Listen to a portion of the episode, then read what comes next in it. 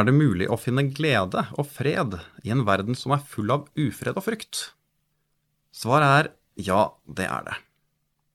Jeg skal ikke bruke mye tid på å snakke om det som kan gjøre livet vondt for oss, for det vet du litt om allerede. Eller kanskje vet du en hel del. For ingen går gjennom livet uten å bli rammet av det vonde, på forskjellige måter, og det gjelder også for dem som tror på Jesus. Og det kan være vanskelig å forstå hvorfor det skjer, for hvis vi har den gode og allmektige Gud til far, skulle ikke han bevare oss fra alt vondt? Dette er store og teologiske og filosofiske spørsmål, og jeg skal ikke ta dem i sin fulle bredde her. Men det første jeg vil si, er at det er ikke noe unormalt at det vonde rammer. Det kan være lett å tenke at det er meg det er noe galt med, dette er en straff for et eller annet, eller jeg har for lite tro, eller jeg har bedt for lite. Men sannheten er at det vonde rammer oss alle, og det rammer relativt vilkårlig. Og det å være kristen er heller ikke noen garanti mot å bli rammet av det vonde, og det har det aldri vært. Men er det mulig å finne glede og fred i en verden som er full av ufred og frykt? Ja, det er det. Og i dag skal jeg dele litt fra brevet som Paulus skrev til menigheten i Filippi. Da Paulus skrev brevet, satt han i fengsel. Men han skriver ikke noe klagebrev om hvor vondt det er å være i fengselet. Han skriver et brev som gjerne kalles gledens brev, for det er så fullt av glede. Og jeg blir litt imponert over Paulus sin evne til å finne ting å glede seg over der han sitter i fengselet. Og jeg skal dele med dere fire punkt om hva Paulus finner glede i, selv om han er i en vanskelig situasjon. For det første, Paulus gleder seg over fellesskapet.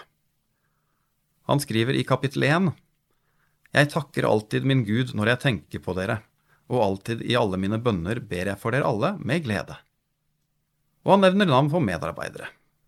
Timotios og Epafroditus og Evodia, Syntyke, Synsygos og Clemens møter vi senere i brevet.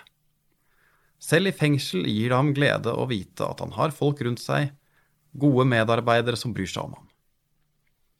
Bruk fellesskapet i menigheten eller foreningen din som et sted hvor du kan få trøst og støtte, og gi trøst og støtte når det er noen andre som trenger det. Da er fellesskapet en kilde til glede og fred. For det andre, Paulus gleder seg over at han fortsatt har mulighet til å drive misjon.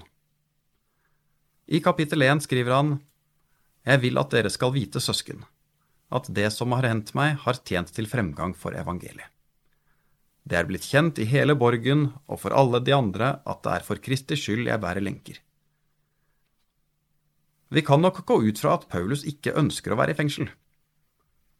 Han ville nok heller ha fortsatt reisevirksomheten sin og fulgt opp menighetene han har grunnlagt, og være med på å starte opp nye.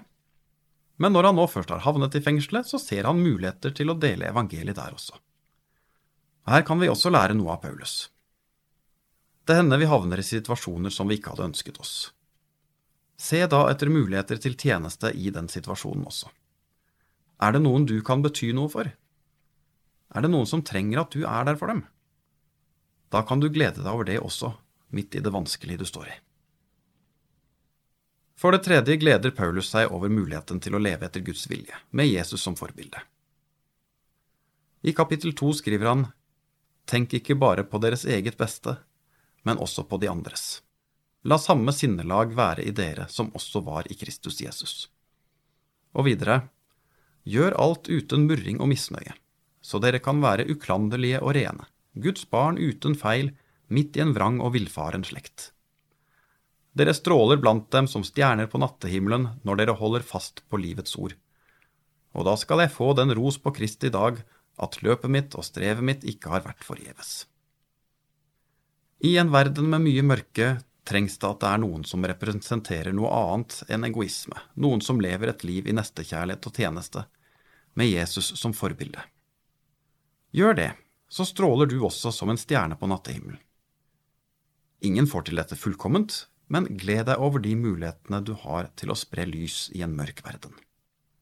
For det fjerde gleder Paulus seg over håpet.